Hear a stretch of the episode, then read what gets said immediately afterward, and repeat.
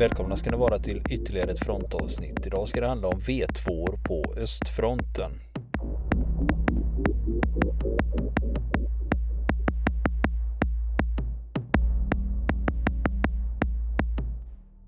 Ja du Niklas, vi har ju det här med V2, alltså motorn som satt i T34. Du började ju prata om det förra veckan. Va? Motor? Jag trodde vi skulle prata raketer. Nej, jag bara skojar. ja, vi gjorde det. Vi, eh, vi började ju prata om den och, eh, och lite grann om utvecklingen av eh, själva den motorn då som är Ja, alltså det, det var ju en av V2 var ju en av de mest tillverkade stridsvagnsmotorerna i världen.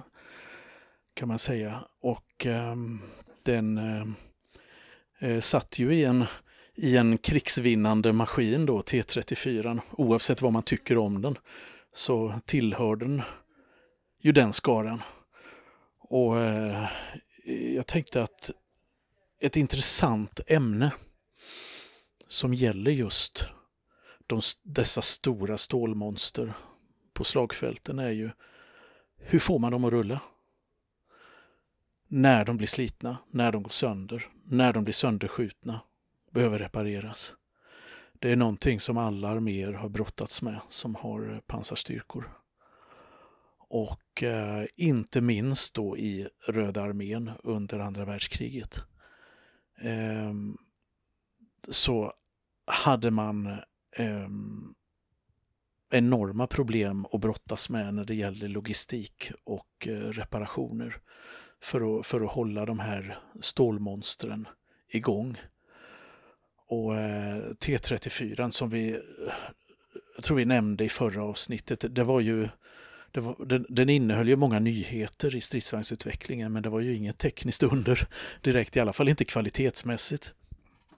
För det var ju liksom en, en osynkad växellåda eh, där det var eh, dålig kvalitet på många av komponenterna, inte minst kugghjulen där då som en, en oerfaren förare kunde lätt få den där växellådan att skära. Um, och det var problem med kopplingen, det var i, i, alla fall i början dåliga svetsfogar, det var trånga utrymmen, uh, ingen sambandsutrustning i vagnarna förrän ganska sent i kriget. Och man lyckades inte ehm, få ordning på många av de här problemen trots Stalins order. Så fortfarande 1943-44 när ryssarna höll på att vinna kriget på östfronten så fanns det stora tekniska problem kvar. Och då till exempel växellådan.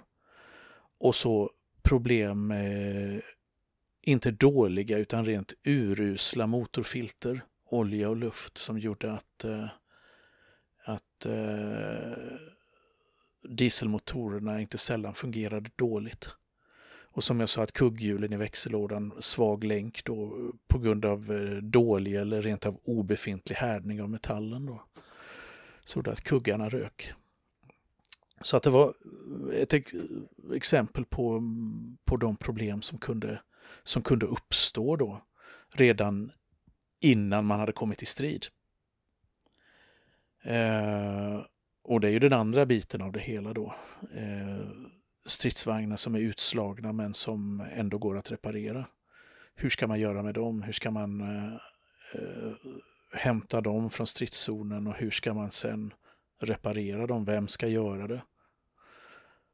Och så vidare. Så det var många frågor man ställdes för som den Röda armén var väldigt dåligt förberedd på när, eh, när eh, kriget började. Eh, och man kan ju jämföra det lite grann med den tyska sidan då, där man var, var väldigt bra på att eh, reparera och underhålla ute i fält. Ehm, och man kan ju säga att då det värsta jobbet under andra världskriget vid sidan av kvartermästare för Afrikakåren. Det, en kvalificerad gissning är att kvartermästare för en tysk pansardivision inte kommer långt efter på den listan. Därför att du var tvungen att hålla reservdelar till ett kanske 20-tal ännu, eller ännu fler olika fordonstyper. Och, eh, olika sorters bränslen och oljor och så vidare och så vidare. Det var, det var massor av meck och, och få, eh, få den här, den här eh, liksom organisationen att funka, få den tekniska materielen att, att funka. Men som man, man lyckades på ett ganska effektivt sätt då ändå och, och få det att fungera nästan ända fram till slutet. Och man tycker att det, det, det borde varit något enklare i Röda armén, åtminstone senare, senare under kriget, för det, där hade man inte så många typer och, av stridsvagnar eller varianter av dem som tyskarna hade i sin armé. Det var T34 dominerade, precis som Sherman-vagnen i amerikanska armén. Och eh, i Röda armén, precis som då i Wehrmacht, så bärgade man skadade stridsvagnar och stormkanoner och andra eh, stridsfordon från slagfältet om man hade möjlighet att göra det.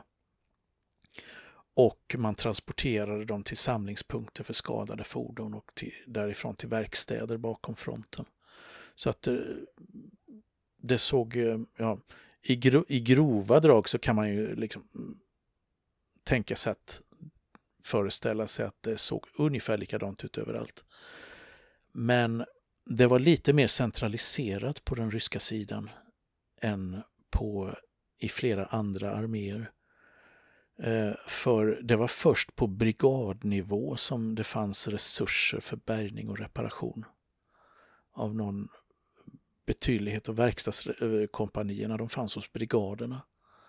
Så det är, ju, det är ju en bit upp. Det var alltså inte hos bataljonerna, inte hos regementena, utan ännu en nivå upp i organisationen.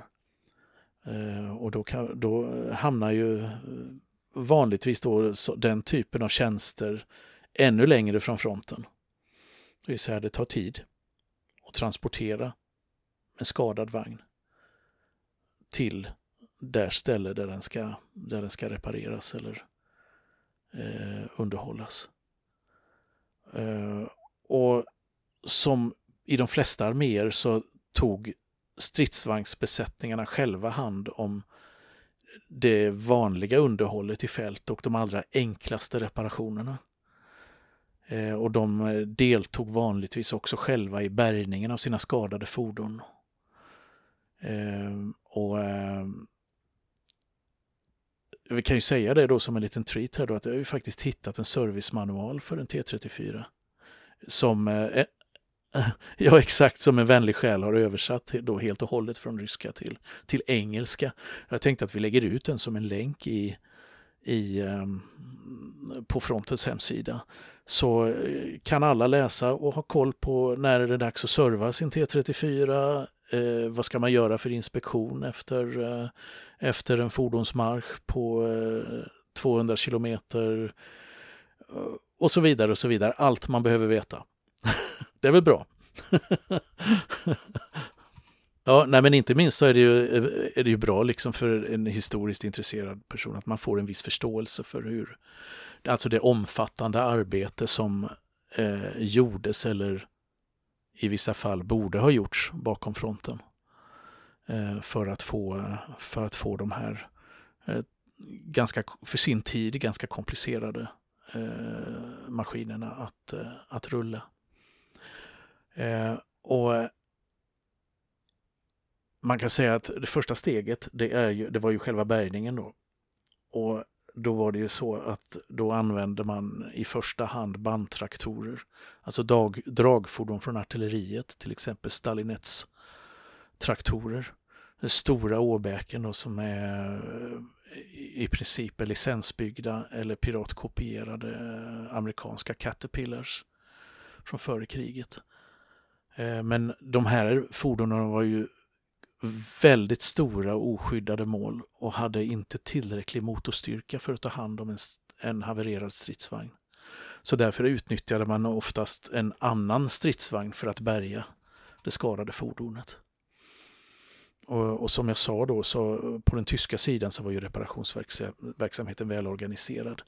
eh, strax bakom fronten. Då. Det hade varje pansarregemente ett välutrustat verkstadskompani. Och eh, självständiga tigerbataljoner som kom senare under kriget, de hade också de hade en egen verkstadspluton. Och alla sådana här resurser som fanns ganska långt fram då eh, ganska nära fronten gjorde att 95 procent av reparationerna kunde ske i fält på de vagnar som var möjliga att reparera då. Och inte alls så långt bakom front utan kunde ju snabbt sättas i tjänst igen då. Så att det var bara de svårare fallen då i, i Wehrmacht som, eh, som eh, behövde transporteras längre bak till större verkstäder eh, på, på högre förbandsnivå eller rent av då till fabriker hemma i Tyskland för att repareras där.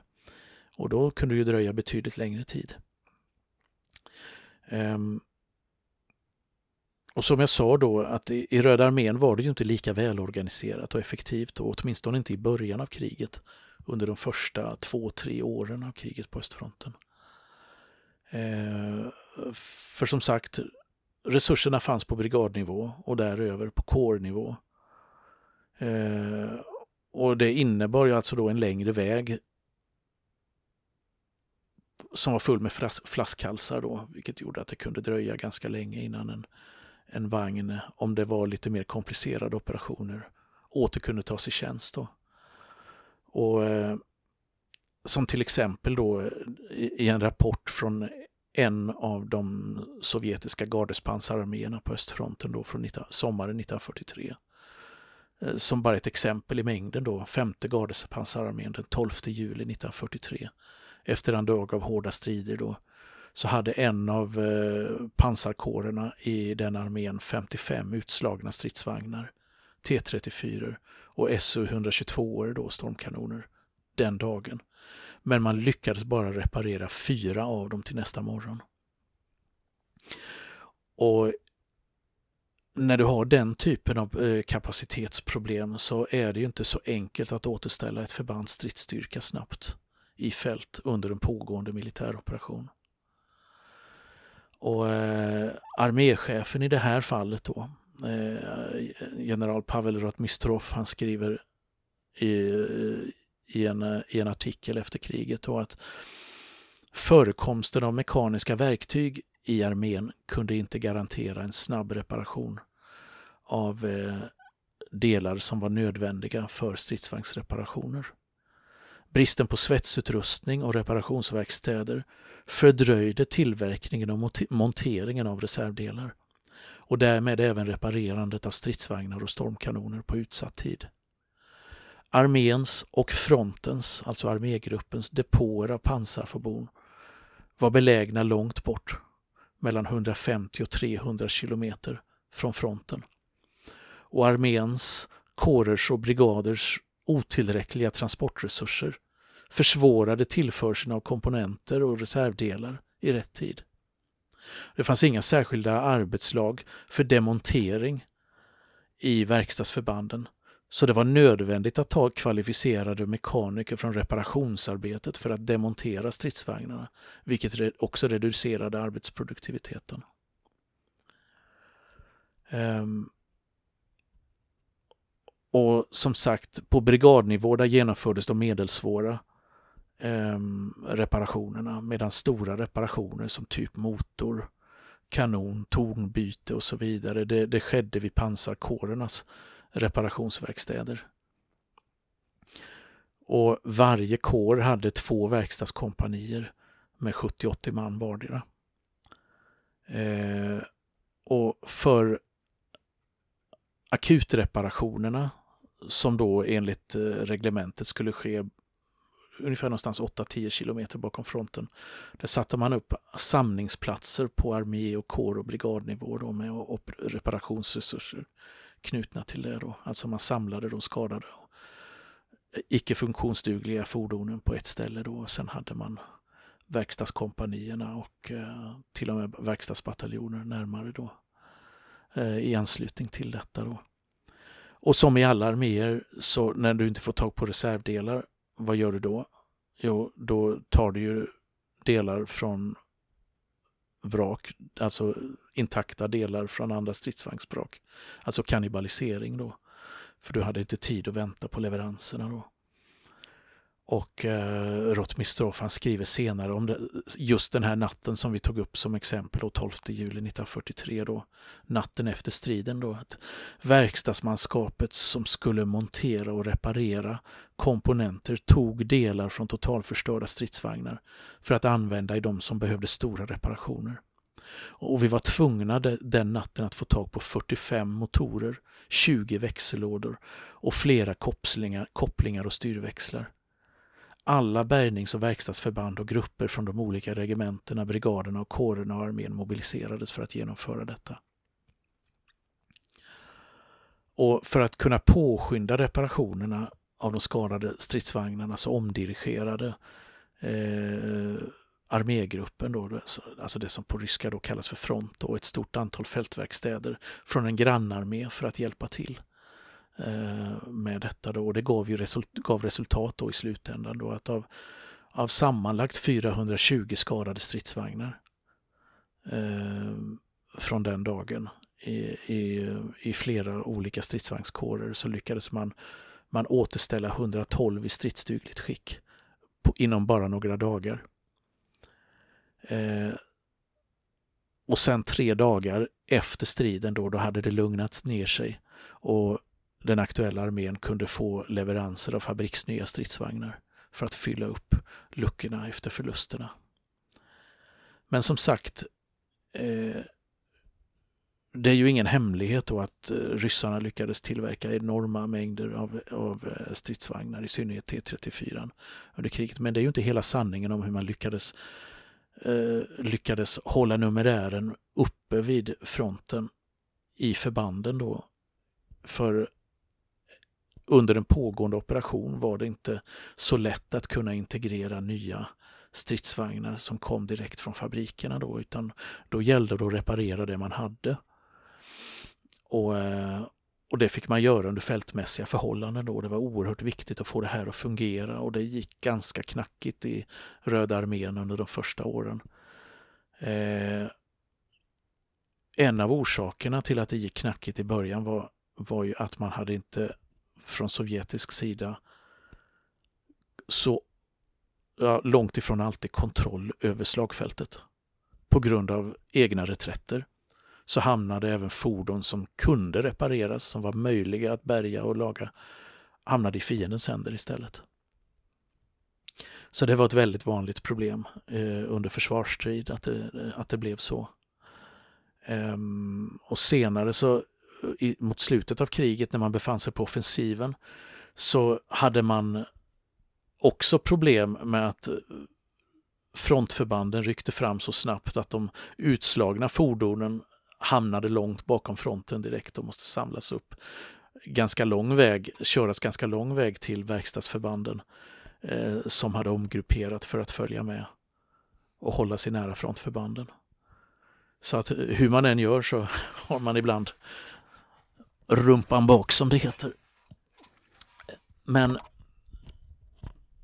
i genomsnitt då under kriget, om man ska titta över hela kriget, så reparerades en stridsvagn eller stormkanon fyra gånger på en fältverkstad under sin livstid.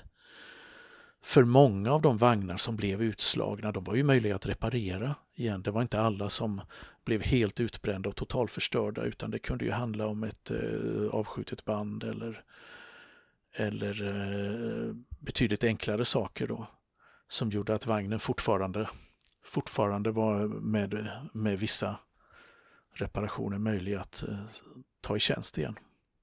Så de reparerade stridsvagnarna, alltså de som reparerats under fältmässiga förhållanden, de var, de var liksom huvudersättningen eller komplementet för stridsvagnsförluster under pågående operationer. Men då, jag sa ju att det, det var problem då i, i, i början i synnerhet då under den första tiden då för att man, man hade ju problem på alla möjliga sätt i Röda armén. Och ett av dem var just reparationer av stridsvagnar. Um, före kriget så hade, hade eh, ju Sovjetunionen rustat upp Röda armén på många olika sätt. Man hade förstärkt numerären, man hade byggt jättemånga eh, stridsvagnar och, och artilleripjäser och så vidare. Eh, men man hade ju också drabbats av eh, Stalins utrensningar och arbetet med just att fullborda den här utrustningen, upprustningen då, det var ju inte färdigt på långt när, när, när Hitler invaderade Sovjetunionen 1941. Och bland annat då gällde det just systemet för stridsvagnsoperationer. Organisationen fungerade helt enkelt inte. Det fanns, det fanns allt för få fältverkstäder, verkstadsförband. Och det var en enorm brist på reservdelar och verkstadsutrustning. Man hade helt enkelt inte prioriterat detta i ivern att bygga upp en stor armé. Och det påverkade ju stridsförmågan negativt. Ända från krigets första dag.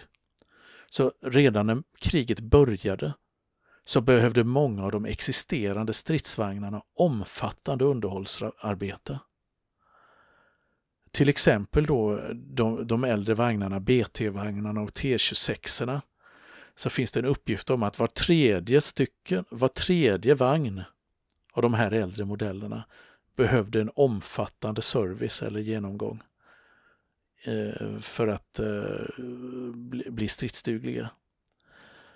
Ehm, och de existerande fältverkstäderna, de få som fanns i krigets början, kunde inte ens hantera de aktuella förlusterna.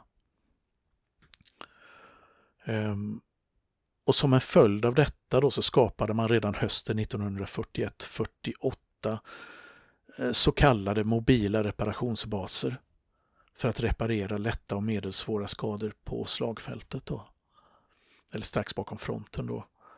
Och eh, det fungerade hyfsat väl då den här organisationen byggdes ut eh, stadigt och vid årsskiftet 1942-43, eh, alltså Stalingradvintern, så hade antalet sådana mobila reparationsbaser växt till 108 plus 23 självständiga verkstadsbataljoner och ytterligare ett antal verkstadsförband av olika slag eh, inom just eh, pansartrupperna.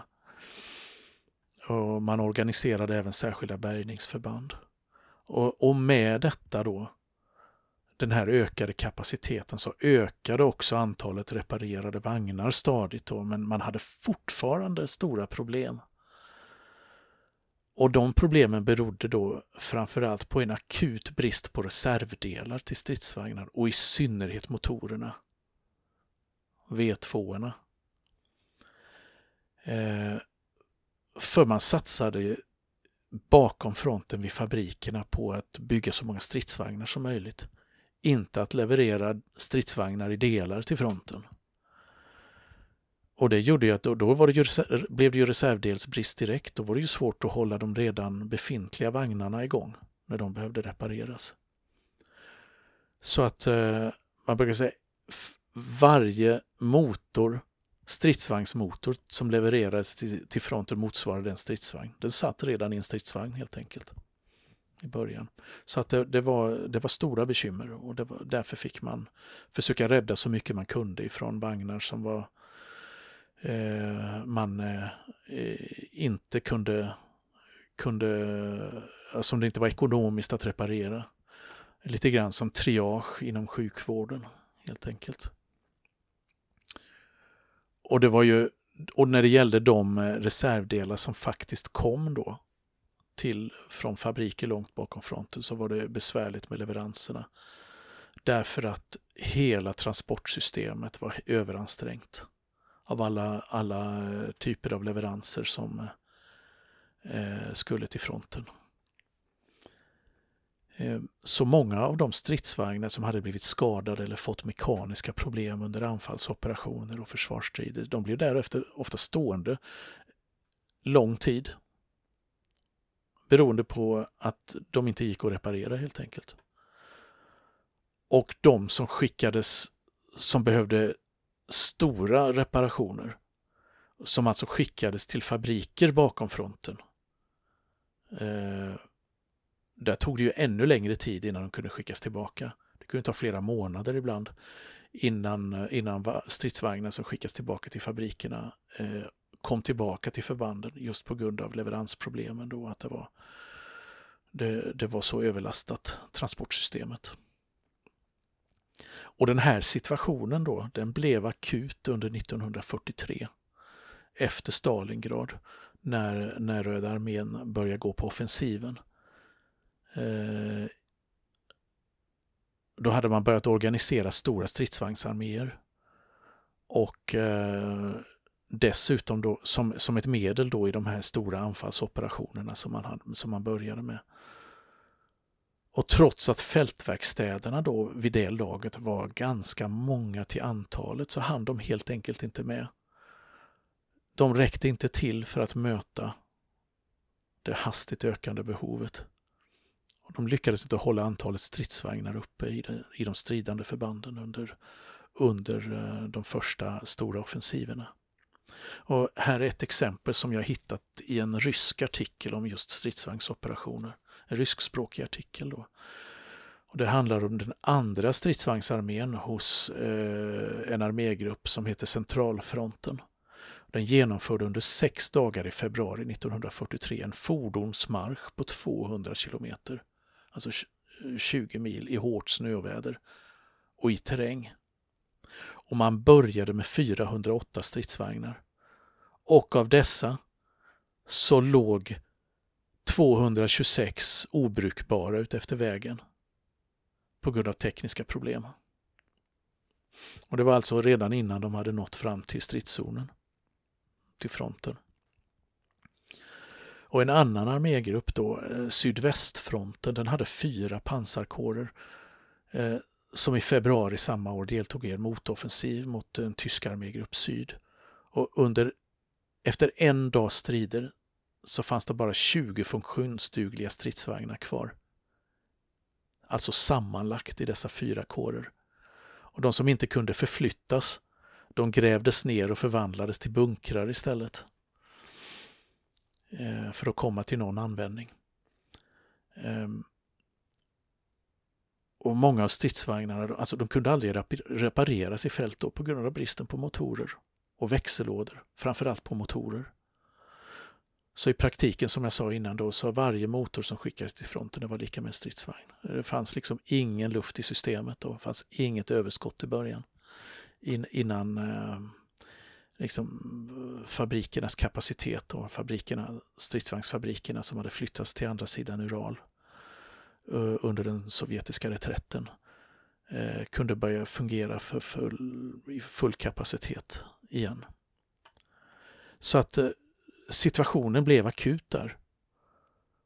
Och det var alltså nödvändigt med en stor omorganisation för att effektivisera förbättra systemet för reparationer. För att det hade länge funnits en stor oro både bland reparationsmanskapet och eh, bland eh, stridsvagnssoldaterna och de högre befälhavarna då i Röda armén kring kapacitetsproblemen på, den, eh, på det här i det här avseendet. Då. Så att i början av 1943 så kom förslaget om att man skulle bilda helt nya mobila verkstadsförband eh, som ett komplement till de redan existerande. Då. Eh, de, de går i, under eh, beteckningen PETARS, alltså PTARZ, vilket i princip betyder stridsvagnsreparationsfabriker. Så i praktiken var det mobila fabriker som man satte upp. Och jag kommer kalla dem mobila fabriker i fortsättningen och kommer förstå varför. För att de arbetade under kan man säga industriliknande förhållanden fast i fält. Och man satte genast igång att organisera försöksförband då för att eh, testa den här nya lösningen som han hade tänkt ut. Då, där, där, där en grundidé var att det här skulle fungera i alla situationer i fält. Alltså det här var enheter som skulle kunna följa med trupperna överallt. Man skulle samla alla funktioner på en plats som en kombinerad fabrik och verkstad. Man skulle kunna tillverka delar man behövde i fält. Och det var naturligtvis många komplexa problem som måste lösas för att eh, förverkliga detta då. Eh, och skapa en sammanhängande reparationskedja. Alltså som löpande bandet eller, eller eh, processen i en mekanisk fabrik där allt är strikt reglerat. Och där du behövde, du, du behövde ha tillgång till både värme, elektricitet, vatten. Eh, regnskyddade lokaler, lyftanordningar så vidare för att kunna reparera mot motorer och växellådor, lyfta av torn och så vidare i fält. Och eh, därför så baserade man en stor del på de här mobila fabrikerna på lastbilschassin. Där man, alltså man placerade svarvar och generatorer och elverk eh, och alla, annan alla andra specialmaskiner, verktyg eh, som man behövde då på, på lastbilsflak. Där du, där du eh, som helt enkelt blev rullande verkstäder. Och eh, andra delar av de här verkstäderna hade man i, eh, senare i stora tält.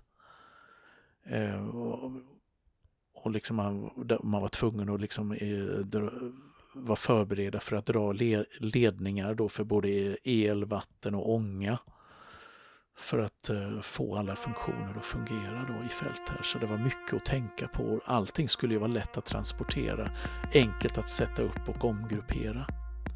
Och detaljerna kring hur det gick till, det får vi titta på nästa vecka. Vill ni komma i kontakt med oss så kan ni göra det via vår Facebook-sida som heter Fronten. Det är inga problem för er att leta er fram där. Eller också så mejlar ni på vår mejladress och det är frontenpodcast.gmail.com.